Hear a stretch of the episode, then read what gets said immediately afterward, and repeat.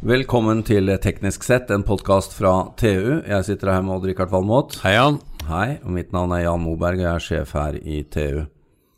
Du, Odd-Rikard, har du sjekket prostataen i det siste? Eh, ja, jeg har vel for så vidt det. Det er jo en del av den årlige, årlige kontrollen, det. Ja. Ja. Da kommer gummihansken på, så ja, nå tar de den også på blodprøver, også, heldigvis. ja. Men jeg har jo prøvd gummihanske nå. Er du, er du nervøs?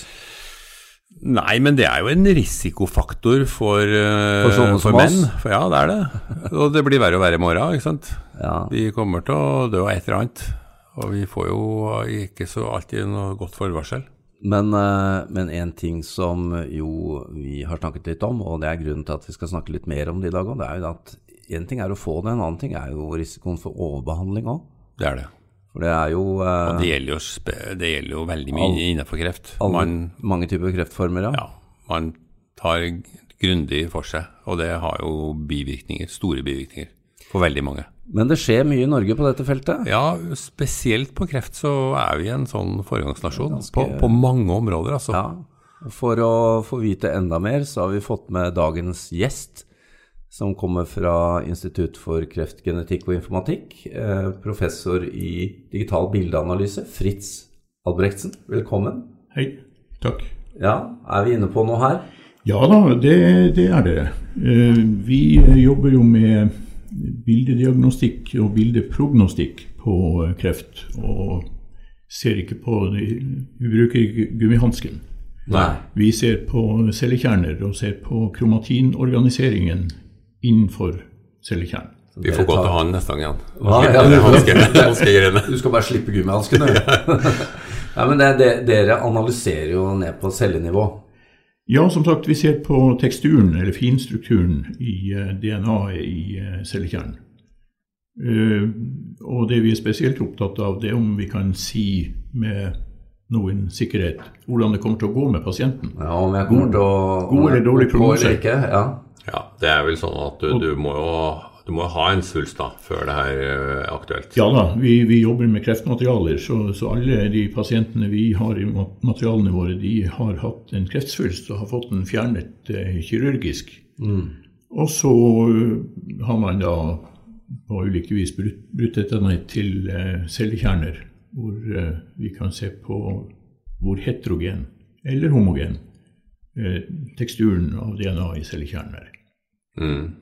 Med en, forholdsvis enkle matematiske eh, redskaper. ja, for nå snakker vi ikke om disse her eh, millioner av parametere og, og, og svære Nei, nei, altså det, det som mange gjør i sånn eh, informatikk eller beregningsorientert eh, undersøkelse av sånne bilder, det er jo å trekke ut så mange egenskaper som man kan finne på fra hver enkelt cellekjerne. Mm. Og det kan man fort ende opp med altså, Hvis du går 10-20 år tilbake i tid, så brukte folk eh, teksturanalyse algoritmer som gjerne ga noen hundre egenskaper fra hver cellekjerne.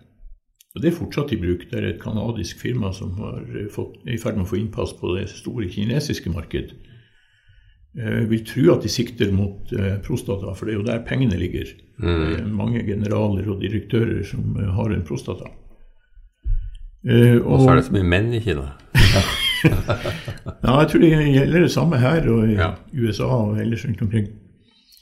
Eh, Og har man da eh, voldsomt mange parametere, så ender man jo eh, sånn informasjonsteoretisk opp med et la oss si 200-dimensjonalt beslutningsrom. Da får du mange svar. Ja, du skal ta eh, beslutninger på om du skal behandle eller ikke behandle en pasient ut ifra eh, noe som er etter min ja, jeg pleier å kalle det hyperdimensjonalt eh, beslutningsrom Mm. hvor du har veldig lite informasjon fordi at man har få pasienter på, Ja. hver, på hver kreftform på de fleste sykehus. Mm. Det vi har gjort, er jo å koke dette ned til å bruke bare to parametere. Vi eh, ser på hvert enkelt piksel i et bilde av en cellekjerne og ser på hva er entropien. Eh, Hvor mye eh, uorden Mm. er det i omgivelsene rundt omkring hvert enkelt piksel. X og Y og uorden, Jan, det forstår vi. Det er jo meg. men- Ja, Så gode gammeldags entropien som noen kjenner fra varmelæra og noen fra informasjonsteorien, eh, bruker vi som den ene parameteren, og gråtonen til piksel som den andre. Når vi snakker om gråtoner, så, så er jo det et uttrykk for uh, hvor tett eller kompakt uh, DNA-et i cellekjernen er vikla sammen. Vi har jo en lang, sånn, nesten to meter lang eh, DNA-tråd i hver cellekjerne. Og den er jo vikla sammen sånn at det får plass inni cellekjernen. Og så er den da vikla opp og åpen noen steder og vikla sammen andre steder, så du får et slags sånn eh, stokastisk mønster av mørke og lyse felter innenfor eh, cellekjernen. ja. Og det er denne teksturen vi konsentrerer oss om å gi et statist, en statistisk beskrivelse av. Beskrive det uten å måtte brette den ut. Ja, ja. Uten å måtte sekvensere. Det er jo, det er jo også en annen innfallsvinkel å, å sekvensere genomet og se hvilke forstyrrelser man har. Det har ikke vi eh, involvert oss i. Vi, vi driver eh, prognostikk på eh, mikroskopibilder som godt kunne vært eh, tatt som rutinemikroskopi på et hvilket som helst eh, sykehus. Mm. 40 ganger eh, størrelse. Og her ligger jo det store potensialet òg, fordi det er enkelt å Ja, det er enkelt. Det kan flyttes, standardiseres ut Mm. på alle mulige klinikker. Øh, Det her viser jo bare hvordan liksom medisin og datateknologi har funnet hverandre i en moderne verden, og kan gi oss bedre informasjon om Ja, den kontakten har vel for så vidt pågått over lang tid. Ja. Eh, Det samarbeidet som eh, jeg har hatt med Håvard Danielsen på Radiumhospitalet, det har jo vart i en eh, 25 år. Mm. Men vi er jo inne i et tidsvindu hvor eh, tilgangen på, på eh, regnekraft er formidabel. Eh, Og vi kan lagre ja, la oss si halvannen terabyte per pasient. Det er jo datamengder som man Det er formidabelt. Ja, det er jo datamengder som man for noen eh, få år siden eh, ikke kunne drømme om. Mm. Men målet for det her det er jo også å få mm, si noe mer fornuftig om, om krefttypen, eh, slik at du kan behandle den på en individuell måte. Altså Ja. det man kaller personlig medisin. Ja, eh, det kan du si er, målsettinga. Eh, istedenfor sånn som det er i- dag, at man konstaterer at en pasient har en svulst i prostata, fjerner svulsten eller hele prostataen, og så er det masse bivirkninger, og man vet ikke om denne pasienten har god eller dårlig prognose, så derfor så ja, man Bøse gir, på med behandling. ja, man gir ja. behandling sånn at man gir full gass.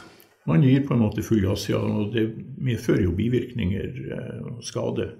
Ja, det er ganske mange norske menn som går rundt med tap av prostata. Men altså, det er, det er to ting her. Det ene er at du får en prognose. Det er ikke alle som Eller det har også vært vanskelig å gi. Det har vært vanskelig å gi, for det, det er jo noe som patologene ikke kan si særlig mye om, Nei.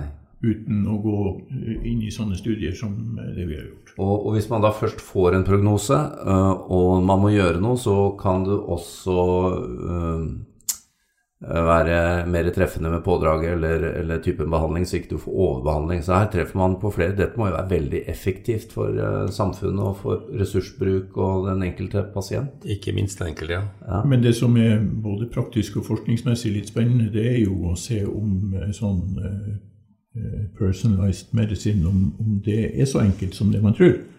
Eller om man f.eks. i prostataen eh, faktisk kan ha flere eh, genomer. Og det med flere svulster som eh, oppfører seg på Aha. ulike vis. Så den ene cellen har du grønt flagg på, mens den andre kommer det et rødt flagg? Ja, og hvis du da har uflaks med den biopsien som ble tatt, at eh, det er en prøve av den godartede, mens det rundt hjørnet ligger en aggressiv en som kommer til å rase av sted. Mm. Hvor lang tid tar det før fra det jobben her har starta til dere har en metodikk som kan brukes i praksis? Ja, altså Vår målsetning, eller vårt løfte til Forskningsrådet når vi fikk eh, var en av de to som fikk 70 millioner kroner til å drive et eh, ganske unorsk, eh, eller stort prosjekt til norsk å være, Mm. så er jo vårt løfte at vi skal ha en produksjonslinje ferdig når dette prosjektet går mot slutten. Hvor man i ene enden har pasienten og, og kirurgen. Så blir eh, prostataen eller eh, svulsten tatt ut. Den blir eh, delt opp i blokker. Den blir preparert etter alle kunstens regler, og så tar man snitt gjennom den for bilanalyse. En hel haug med snitt. Og i hvert snitt er det millioner av celler så skal vi ha en automatisk delinering av hva som er kreftsvulsten i hvert snitt. Automatisk eh, segmentering av eh, cellekjernene og en automatisk eh, analyse av teksturen i hver bidige cellekjerne. Og vi snakker om en, ja, la oss si 20 000 cellekjerner per pasient. Det her høres ut som en helt ny diagnostikkmetode. Ja, det er jo, når du ser på de tallene jeg nevnte, så er det, det er jo det som er årsaken til at prosjektet heter Do More. Ja.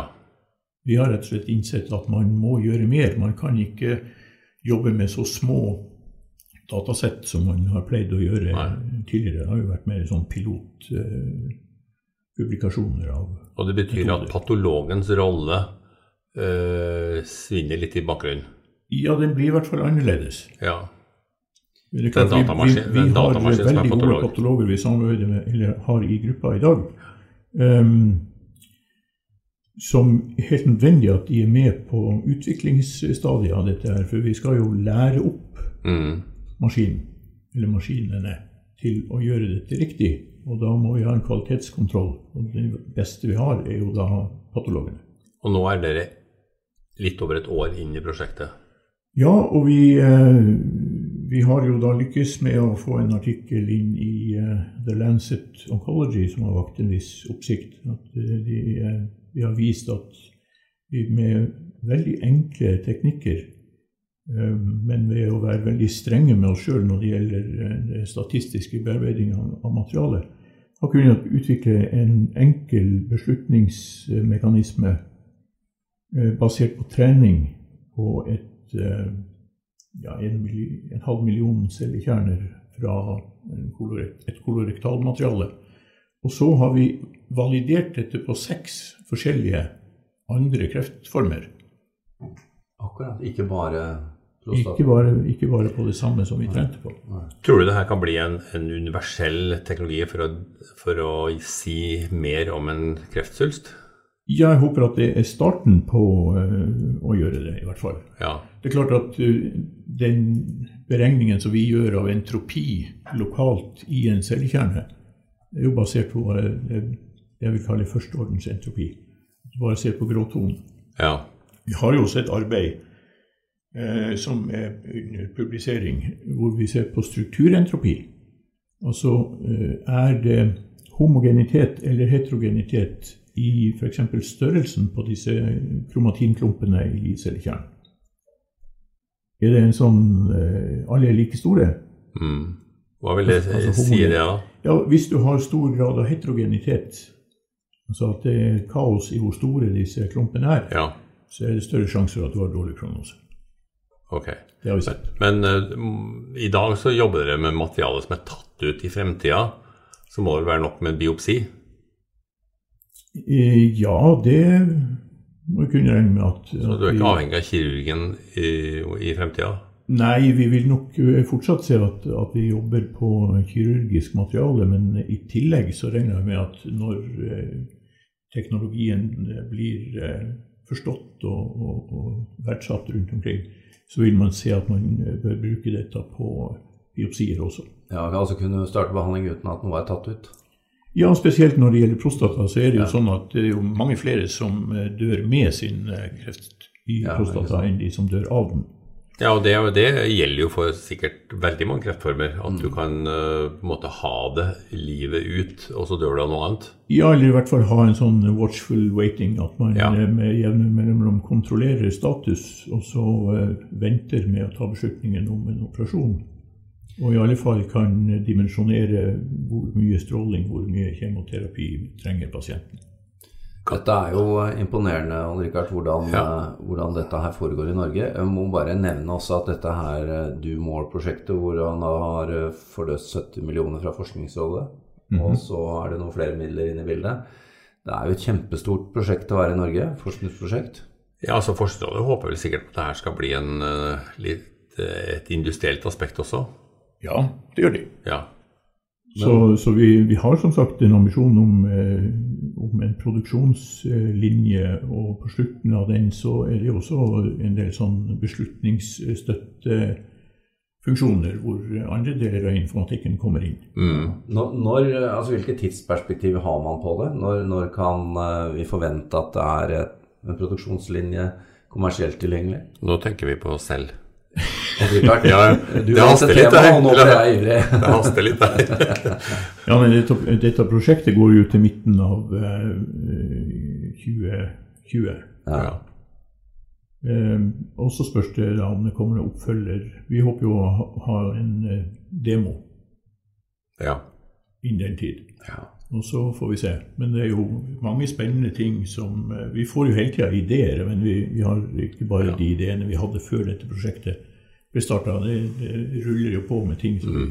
Ja, det kan være krevende å holde fokus noen ganger? Det kan det være. Men uh, uansett uh, superimponerende. Ja. Vi, uh, og det, det, viser jo bare at innenfor kreft så har vi faktisk litt å fare med her i landet. Ja, vi har gode miljøer som utvikler immunoterapi og sånn. Så har vi Kreftregisteret som er unikt i verdenssammenheng sammen med et par andre nordiske land. Da. Ja, men det viser jo også at det, er ikke bare å ha noen sånn pettersmarter som gjør et eller annet på et lite materiale. Det som er suksessformelen her, det er jo at man jobber sammen over, eh, over lang tid, og at det fins et stort og godt eh, laboratoriemiljø på Radiumhospitalet mm. ja. som eh, på profesjonelt vis har kunnet behandle disse eh, kreftmaterialene. Og, og, i et samarbeid med studenter og ansatte på, på Institutt for informatikk på Blindern har lykkes i å få dette til. Så det er noe synergi som, som må ligge i bunnen her. Altså. Jeg er litt beroliget jeg nå, Jan. Ja, altså nå, jeg tror vi, jeg tror vi overlever. Nå tror jeg du, Det er ikke lenge før du får ditt prostatometer. Nei. Kan... Sjekke den nærmere. Ja. du får det på klokka. Uh, Fritz Albrektsen, dette var superspennende, og vi, uh, vi må jo få komme tilbake når dere har kommet litt lenger i arbeidet. Takk skal du ha. Selv takk.